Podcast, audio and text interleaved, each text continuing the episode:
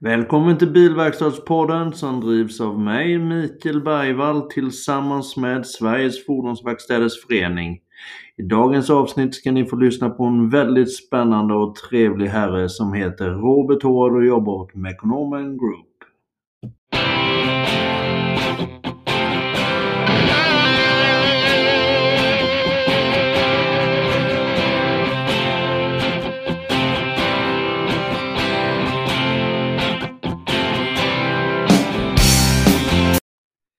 Flexibilitet, ansvar och trygghet. Hos oss på Speedy Bilservice strävar vi alltid efter att hålla kvar positionen som Sveriges mest omtyckta bilverkstadskedja. För mer information gå in på www.speedybilservice.se Då är ni välkomna till ännu ett avsnitt av Bilverkstadspodden. Idag har vi med oss en trevlig herre nere från Malmö som heter Robert Hård. Välkommen hit Robert! Tack så mycket Mikael! Har du lust att berätta lite vem Robert Hård är och vad du jobbar med och sysslar med? Ja, jag är som sagt jag heter Robert Hård och är ansvarig för juridik och hållbarhet i Mekonomen-koncernen.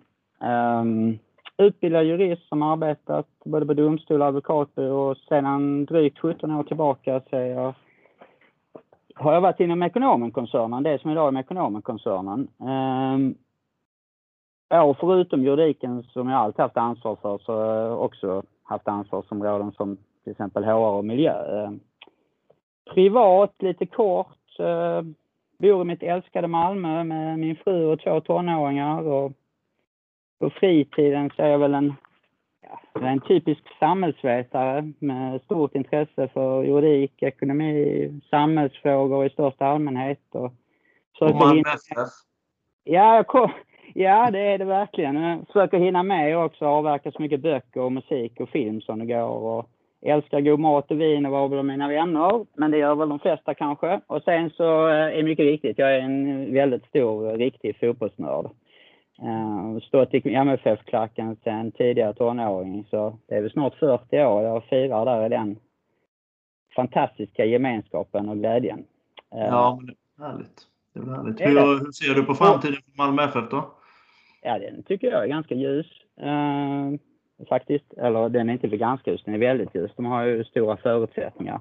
Men det skulle vi kunna ha ett eget program om, Mikael. Om MFF eh, Eh, som varar i många timmar. Eh, men eh, nej då, jag är positiv. Det är väl god. Det är ju alltid det är ett svårt jobb att vara både tränare och sportchef för en sån klubb som MFF där det hela tiden, det duger inte att vara tvåa utan man ska alltid vara etta. Men jag tycker de gör det bra.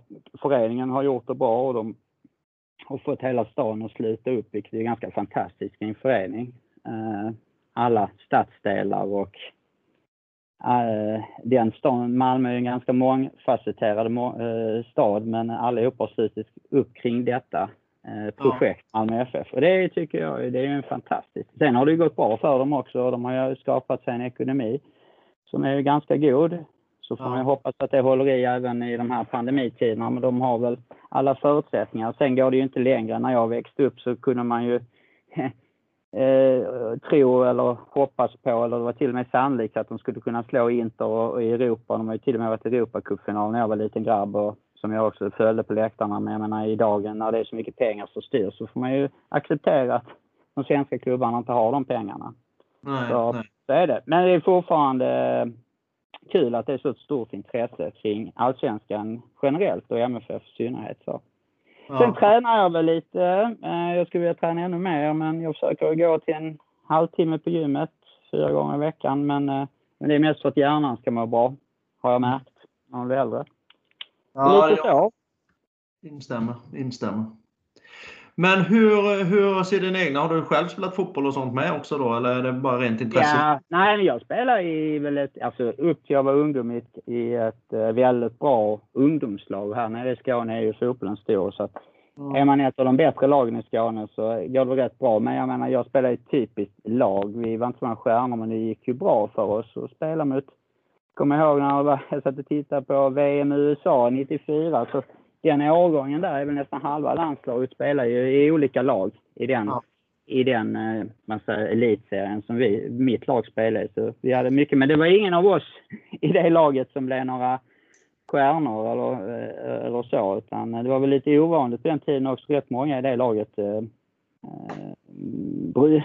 brukar rätt mycket allvar i skolan och så också. Det gjorde kanske inte alltid. Den här fördomen man har mot fotbollsspelare, de är inte dumma så men eh, det var väl, vi, var, vi skilde oss lite från mängden där tror jag. Att det var rätt många som brukar allvar i skolan. Sen är inte det alltihopa för det är en jäkla konkurrens. Det är, är väldigt tufft att slå sig fram som ungdom. Även om man har varit lovande när man har varit junior.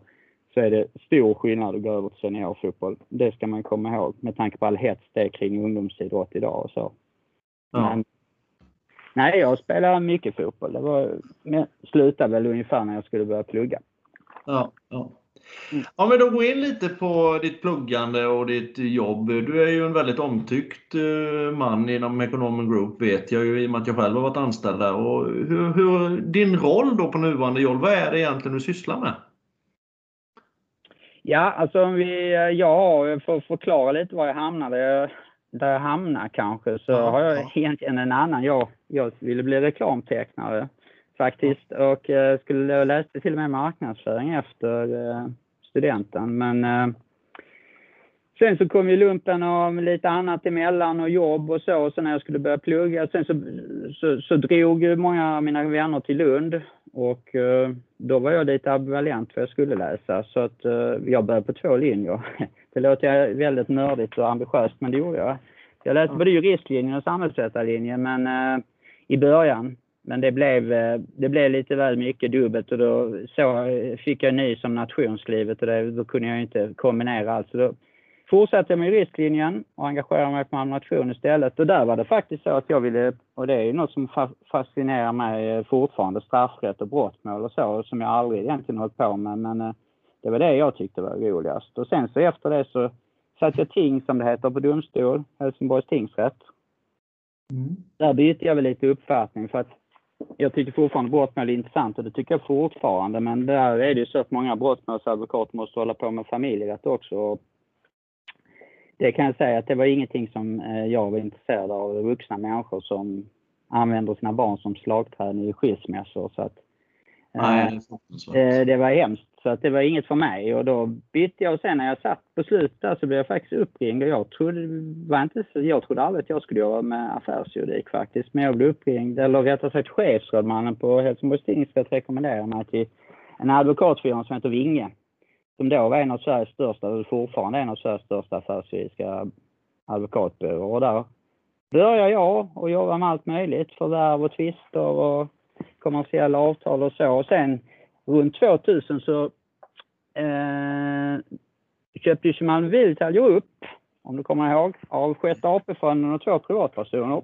Och då var jag advokat, advokat i den. Då började jag som advokat där och eh, sen jobbade jag på med det och 2003 så hade det växt till min största klient och så blev de väl trötta på mina advokatfakturor så de frågade om jag ville börja på heltid istället och det tyckte jag lät spännande och sen gjorde jag väl det. Så gjorde jag ju det och jag trodde bara faktiskt jag skulle vara kvar, det kan jag säga eh, ärligt, i tre år. Sen tänkte jag gå tillbaks till advokatbanan men eh, nu har jag varit här i 17. Ja. Jag antar att jag trivs ganska bra, eller rätt sagt jag har trivs fantastiskt bra. Otroligt fina medarbetare, spännande resor och eh, ja, det finns en anledning att man är kvar på ett ställe så länge. Så det har varit. Men och lite kort här, då var jag vad det blev. Så 2006, om du kommer ihåg, så vi växte ju så det knakade och det blev lite priser. Årets entreprenör fick vi grundaren och Årets företagare i Malmö. Allting eh, det gick ju som tåget. Eh, men hösten 2006 så fick vi en likviditetskris och Sjätte AP-fonden de stötte oss eh, med att vi fick låna mer pengar och vi hade ju redan relativt höga lån. Men och då börjar en ny resa med fokus på lönsamhet istället för tillväxt. Vi omstrukturerade koncernen. Per var ju med på den tiden också, Oskarsson som du känner. Ja. Och som är vår chef idag, eller min chef idag. Och eh, vi tog väl bort mycket av verksamheten som inte var core business och började om från början. Väldigt spännande och lärorik tid men också lite jobbigt. Det är ju tråkigt för det innebar ju också att vi rationaliserade ganska mycket. Mm. Men eh, jag menar, sen fortsatte vi och till slut stod vi där en dag helt skuldfria med en rejäl lönsamhet.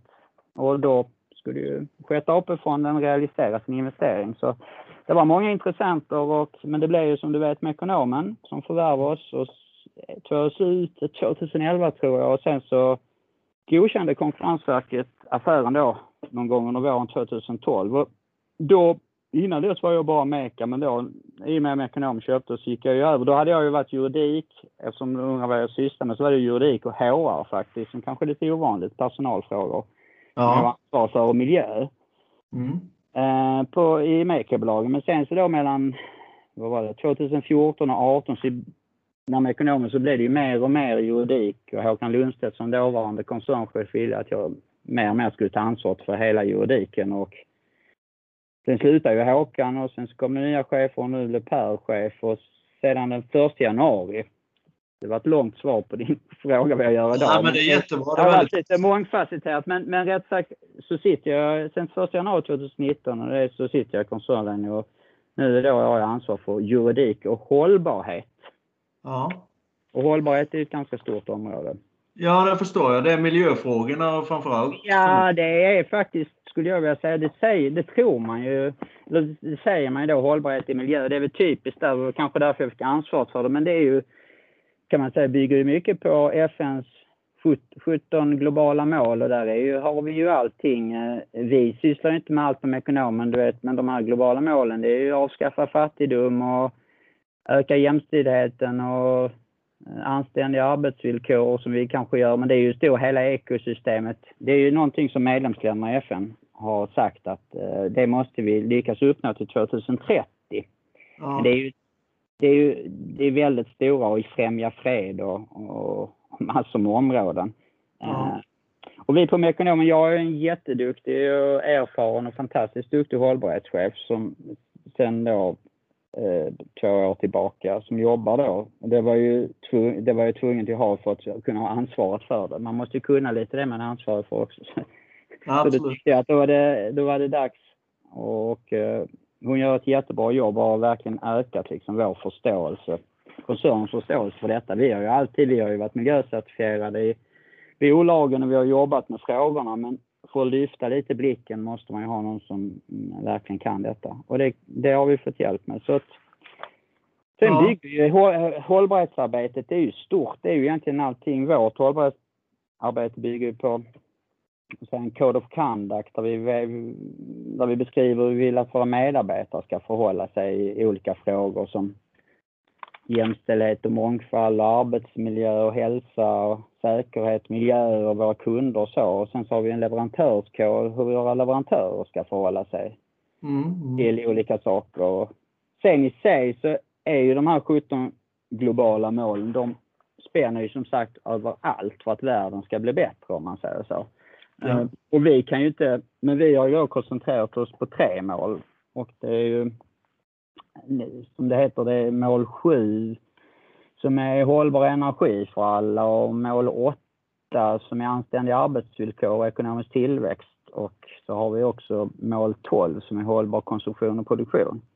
Mm. Och det är väl de, man kan ju springa på alla bollar men vi har ju koncentrerat oss på dem och det är väl där vi kan göra någonting. Till exempel ja. förklara det mer klarspråk, jag menar, vi menar att en rätt och underhållen och service på ett fordon minskar ju energianvändningen. Va?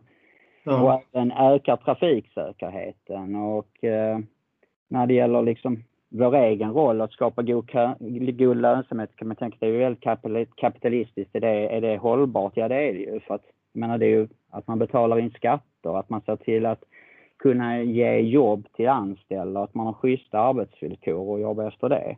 Och även mm. utbildning och så. Så att det är ju ett brett område. Men många knippar det till just det du säger, va? det här miljö, nu är ni miljöcertifierade, men det är ju bara en liten del. En stor ja. del, dock en liten. Ja, ja, jag förstår. Så det är ett stort område som egentligen faller in, eh, faller in tycker jag, på, på allting som ett företag sysslar med. Och det säger väl ordet i sig också. Vi ska, vi ska vara hållbara. Vi ska, vi ska vara hållbara så vi ska kunna få finnas kvar. Det ska finnas ett man säger, existensberättigande för oss. Ja, ja. Kan man säga. Ja, och det Men, gör det definitivt. Ja, det tycker jag och det gör det för hela branschen. Och eh, jag menar, eh, vi, som vi säger, mobilitet, folk måste ju ta sig fram. Sen på vilket sätt? Och sen får vi utvecklas i branschen förhoppningsvis ja. till att bli mer miljövänlig. Och jag hade gärna sett att det gick ännu snabbare sen innan då, om man tittar tillbaka i tiden. Nu tycker jag det händer väldigt mycket, men eh, det ja. tog tid för branschen att eh, säga, ja. inse att, att ställa om. Men det gäller ju inte bara vår bransch, eh, som du och jag är utan det gäller ju många industrier som kanske har vaknat. Vi får väl hoppas att vi inte har vaknat för sent för våra barn och barnbarns. Men, ja. det, det, det, gäller ju också att sprida det här ledet. Som sagt, ni har ju många verkstäder som är anslutna till Mekonomen Group i det här fallet. Och mm. Är godkänd bilverkstad ett steg i detta? Eller hur ser du på godkänd bilverkstad? Ser jag som positivt, mycket positivt. Eh, jag var väl en av dem som tyckte när det kom upp frågan, jag var med på de här runda bordsamtalen efter det här programmet som, jag kommer inte ihåg, det var väl Kalla fakta va? Ja, ja. Som hade eh, om vår bransch då, med all rätta, det är många branscher, så vår bransch har fått, fått klä skott en del och det, är väl, det ligger säkert mycket i det ibland. Jag tycker de, många av de verkstäderna som man har, det är ju seriösa företagare. Sen sticker det alltid ut någon oseriös och någon som inte sköter sig. Men jag skulle vilja säga att 99 procent är bra. I alla fall de som jag och vi har att göra med tycker jag och sköter sig. Va? Men eh, det finns ju ett misstroende och en osäkerhet hos bilägare och då är det perfekt. Jag skulle väl kunna jag är personligen faktiskt inte emot lagstiftning. Va? Eh, för att eh, jag tror att det hade gjort att om det hade funnits någon form av lagstiftning så hade det liksom inte, hade ingen kunnat säga att vi, vi är bättre och de är sämre. Och då hade folk, kanske bilägare, känt sig trygga att ja men det här krävs för att vara. Men det, om detta är ett alternativ med godkänd bilverkstad, vilket det ska vara ju på något sätt. Va? Istället för att komma lagstiftning så självreglerar vi det istället. Och är, man då, är det då seriöst, vilket jag tycker godkänd bilverkstad är av det jag har sett, uh, ja. så kan det ju ersätta uh, lagstiftningen. Och då, men då gäller det ju att det marknadsförs ordentligt, godkänd bilverkstad, alltså ut så att konsumenten inte tror, så man kommer bort ifrån det här, ja men auktoriserad eller märkesoberoende eller kan de verkligen det? Utan här är vi godkänd bilverkstad, vi utför fackmässiga reparationer. Mm. Uh, och uh, då kommer det en trygghet. Och något sånt har inte funnits innan. Jag menar, vi menar ju att vi har på något sätt auktoriserat våra verkstäder genom att det är inte bara att sätta upp en skylt på väggen och säga du Mekonomen bilverkstad eller Meka bilverkstad eller Speed eller vad det nu är. Eller såväl även våra konkurrenter Autoexperten som är duktiga. Utan vi jobbar ju seriöst med branschstandarder eh, så, som är så nära så att mekanikerna verkligen ska kunna utföra en fackmässig eh, reparation. Men ja. det är kanske inte så lätt för bilägarna att veta. Alltså jag menar, ett av de största problemen är ju just kanske osäkerheten eller kunskapen hos bilägarna om att eh, kan det, du, du kan det gör ju säkert du i din umgängeskrets idag också, hör folk. Jag hör det ju i min, det är kanske för det inte är så många bilintresserade utan det är mest advokater och andra chefer som jag hörde att umgås med. Det låter lite inskränkt men så är det väl. Och de är inte så. De köper sin nya bil och frågar jag dem än idag om, om det så tror många, de fler, många av dem att ja, men jag måste ju gå till den auktoriserade verkstaden eller den märkesbundna verkstaden ja. eh, i början. Så det, det ligger ju kvar trots vi har haft en lagstiftning nu i 20 år som säger att det ska vara fri konkurrens. Och det är den här osäkerheten tror jag, vad vet jag, om, om, hur ska jag kunna veta? Men jag, jag tar det säkra för det osäkra, för bilen är ju ändå en ganska stor investering. Ja, ja. Uh, och det är lite synd med tanke på att det, jag har inte sett någon undersökning där de märkesoberoende verkstäderna skulle på något sätt vara sämre än de märkesbundna. Nej, nej. Du hör att jag gillar, jag gillar inte ordet auktoriserat. Jag tycker det är lite fånigt. Jag menar, det säger sig själv. Vad ordet auktoriserad, vad är, är, är, är det för någonting? Det är ju liksom ett bemyndigande bara. Eller vi har sagt att ni klarar detta. Och det gör ju vi också. Vi låter ju inte vilken verkstad som helst vara med i våra olika varumärken eller våra kedjor. Utan vi måste följa dem. Och det gäller ju likadant med jag menar det gäller ju likadant med de, de, de biltillverkarna som som eh, utser sina och sen så har det blivit ett begrepp ju, auktoriserad verkstad och redan det begreppet gör ju, det kan du själv tänka sig om du inte kan något om vår bransch och så är du bilägare så du får välja mellan att gå någon som är auktoriserad eller mm. någon som inte är det. Så tänker man ju då, det är ungefär som auktoriserad revisor eller någonting annat. Va? Mm. Eller advokattitel. Ja, jag går nu hellre till en som har advokattitel än en som inte har det, för jag tror att det kan vara bättre. Och sen spelar det kanske ingen roll, för det är bara en, en titel. Ja, ja. ja det Men det, väldigt... är väl, det är väl en utmaning. Va? Alltså så. Men då, därför tror jag eh, Godkänd bilverkstad eh, tror jag kan vara väldigt bra, även för hela branschen. Det gäller ju inte bara den märkesoberoende sidan, utan även den märkesbundna sidan. Ja, ja. Det blir väl någon slags legitimitet. Ja, ja. Om det sköts rätt. Absolut. En av de här initiativtagarna då är ju ett, eh, en organisation som bland annat jag företräder. Det är ju SFVF, Sveriges Fordonsverkstäders Förening. Hur ser du på SFVFs roll i, i det hela och på bransch, för branschen överhuvudtaget? Men det är också en förening som jag tycker nu, som jag tycker är bra, till med mycket bra skulle jag säga. Och det, det, jag vet ju om att ni har utbildningar, vilket är viktigt. Ni har juristrådgivning genom ULF som också tycker jag är jättebra. Det behövs, tror jag, för verkstadens del. Och Ulf är duktig, tycker jag.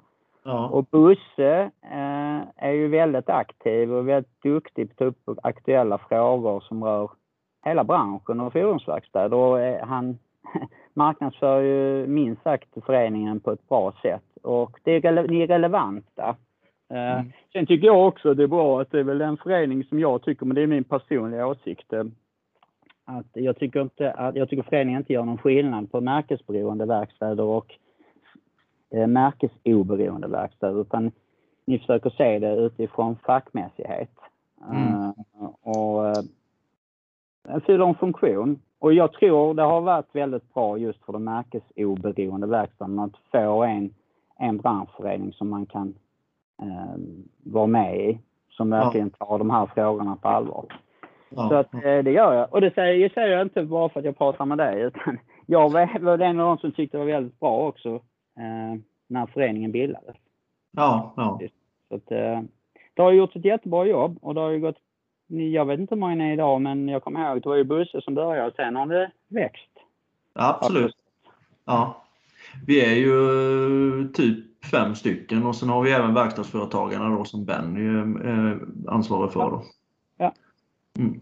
Men om vi säger branschen i största allmänhet då, hur ser du på branschen? Vad är branschens största utmaning enligt dig?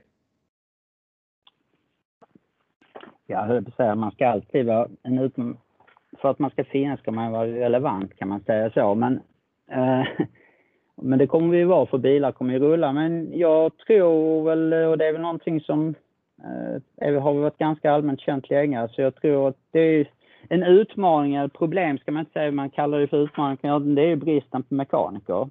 Ja. Och, och eh, sen även naturligtvis utmaningar för verkstaden att hänga med i teknikutvecklingen. Eh, men det gäller ju i alla branscher oavsett. Man måste ju hänga med i utvecklingen och vara relevant annars så, så finns man ju inte en dag.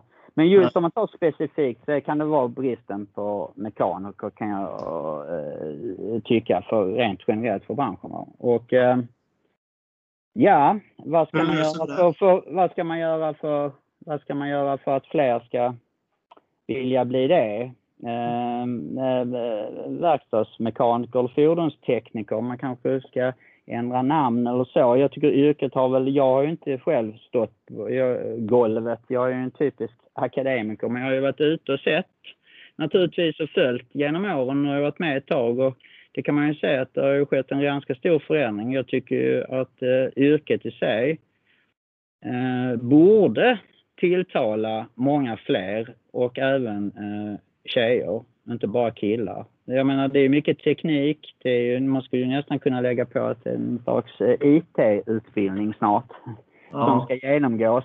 Verkstäderna är fräschare tycker jag. Eh, det är inte det skitiga, även om det är skitigt så är det inte samma sak. Eh, tar du vår då, till exempel när man, menar, och det tror jag nog vilken fordonsgymnasieskola, om man är duktig och går igenom den, att man kan nästan säga, vi har ju jobbgaranti på Provmeister, de två skolorna som du vet att att vi i koncernen driver. Där kan vi erbjuda, och det är hur många kan, göra, hur många kan gå ut gymnasiet och ha ett eh, garanterat jobb i dessa tider. Det är ju fantastiskt.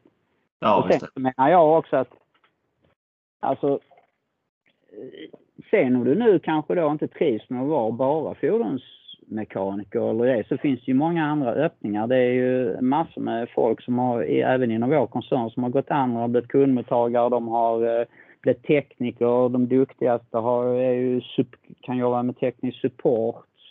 Sen kan man ju gå vidare till, inom försäljning vad som helst. Jag menar vårt företag, om man hade börjat hos oss till exempel, så hade man ju kunnat gå om, jag brukar säga det, har du hög energi och vill och kan och någorlunda är liksom normalbegåvad och så, så, så finns det många möjligheter. Om man mm. väl, det är svårare att komma in och det är ju det som är för ungdomar idag. Därför är jag lite förvånad över att man väljer att läsa många av de här andra yrkena där det är väldigt svårt att få jobb. Ja. Det är väldigt svår konkurrens. Så är det ju inte. Som jag, jag skulle ju rekommendera, trots som akademiker att jag själv inte är särskilt teknisk, jag skulle rekommendera ungdomar idag som... Eh, och det behöver inte vara det här gamla att ja, men jag har läshuvud eller jag är det. Det spelar väl ingen roll, det är väl bara bra om du har ett läshuvud om du dessutom är händig. Mm. Eh, det är en perfekt kombination. Du kan ja. börja här, du får jobb.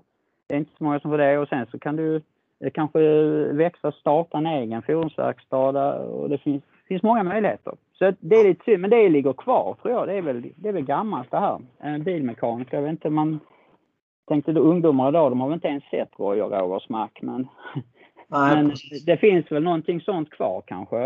Eh, ja. Som gör att, att det är svårt att locka. Det är ju märkligt med tanke på att det finns väldigt goda arbetsmöjligheter. Men det är ju en utmaning och vi har ju brist på mekaniker. Och idag, vi klarar det ju, eh, branschen, men eh, det gäller ju att det fylls på med, med duktiga ungdomar. Men ja. det är en utmaning. Ja, det finns säkert många andra utmaningar också, men, men det är en sån utmaning. Jag menar brist på arbetskraft, det, då spelar ju, det, det vill ju ingen bransch ha. Nej, nej. Om vi Relaterat till ordet utmaning. Eh, du har ju nyligen fått en ganska bra utmaning när det gäller inträdet i Figefa. Figefa. Och då tänkte jag lite, vad, vad innebär Figefa och vad gör du där? Ja, det är ska vi säga, det är väl alltså det finns ju någonting som man brukar lite kalla sådär i branschen gruppundantaget. Det är ju egentligen för just som är specifikt för motorbranschen. Och den har ju, har funnits under många år och, funger, och har riktlinjer till den och har fungerat ganska väl. Det är ju egentligen för att främja konkurrensen ju. Eh, den tar ju upp handel med reservdelar och, och utrustning och service och underhåll och reparation under garantiperiod och även tillgång till teknisk information. Eh, och det, den är viktig. Den eh, löper ut 2023, nuvarande lagstiftning på det området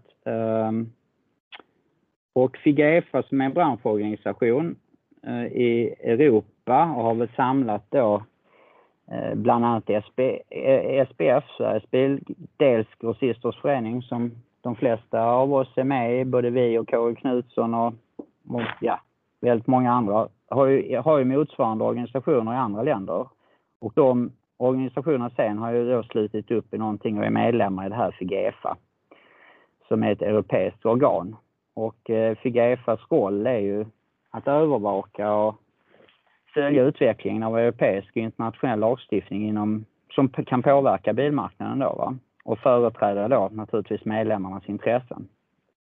Och eh, nu när detta kom upp här att eh, eh vet du, kommissionen då gör en översikt över det här gruppundantaget, de här reglerna, ska de finnas kvar? Ska de utvecklas och så? så och vi har Figefa beslutat sig för att tillsätta en arbetsgrupp för att titta på vad som fungerar, inte fungerar och försöka då ta fram och prata med kommissionen om att eh, de här reglerna är nog ganska bra för att bibehålla konkurrensen och att bilägarna ska ha vettiga eh, priser. Eh, för jag menar, alternativet är ju kanske monopol eller oligopol och det vet ju alla att det, det leder ju bara till högre priser och det blir bilägarna till slut som får som får betala det. Så att eh, det är viktigt att konkurrensreglerna finns kvar. Och då jobbar vi, då har vi, vi har haft, vi har haft inledande möten, vi har väl haft tre möten, tyvärr är allting på Teams nu ju. Annars skulle vi sitta i Bryssel och jobba med de här frågorna, men nu tar vi det på Teams.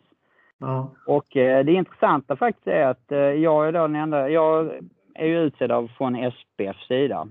Eh, och eh, är väl den enda representanten från Skandinavien. Och sen så är det ju från de andra europeiska länderna och jag tänkte ett tag att det är bara vi som har då de här utmaningarna i Skandinavien men när man pratar tillsammans så ser det ganska lika ut i de olika länderna. Man har ungefär de här utmaningarna med, eh, det har ju blivit bättre. Jag menar de första åren jag jobbade med detta så fick man ju kriga för att eh, förklara för eh, andra att eh, garantierna gäller faktiskt. Eh.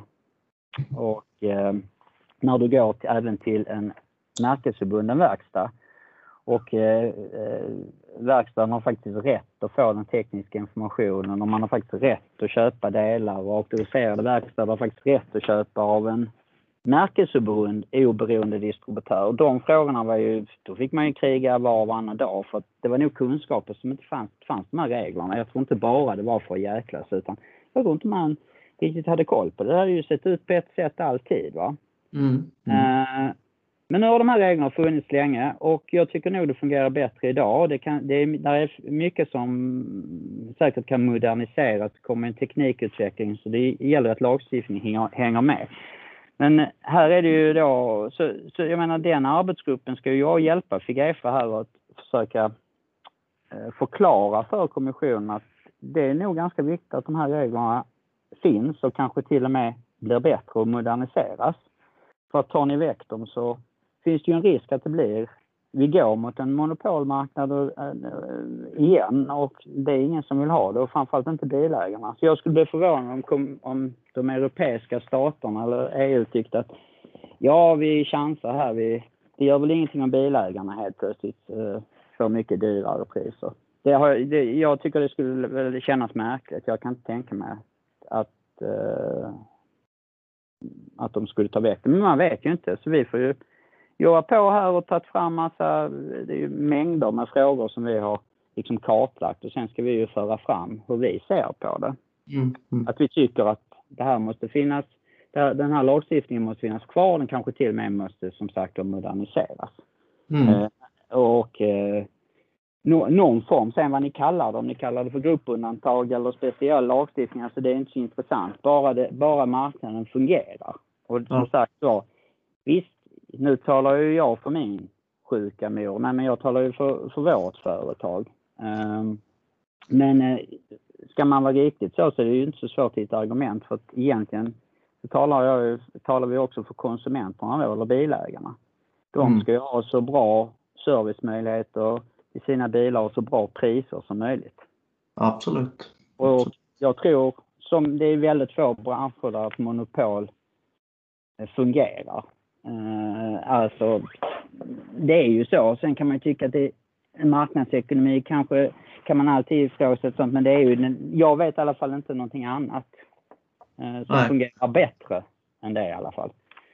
Eh, så att, eh, ja, det är väl eh, kort det, det, det, vi vill att helt enkelt att vi hoppas och, och tror att reglerna ska finnas kvar för oss och till och med bli bättre. Så att bilägarna med, ska kunna vända sig till en verkstad och få ett, utan att, att bli helt skinnad. Ja, ja.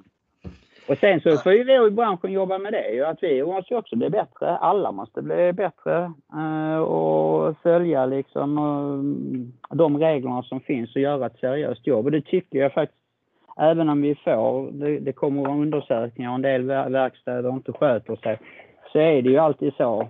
Så är det med mycket, det är lätt att peka på de fåtal som inte sköter sig. Det mm. stora flertalet är ju duktiga och seriösa företagare och duktiga hantverksmän som ja. gör sitt jobb. Ja, så, helt klart. Helt klart. Ja, men då tackar jag dig Robert för ett väldigt intressant avsnitt och mycket information. Så nu tror jag vi vet var du står både när det gäller Malmö FF och när det gäller fordonsbranschen överhuvudtaget. Men som avslut så skulle jag vilja fråga, är det någonting om dig själv som du skulle vilja berätta som ingen känner till?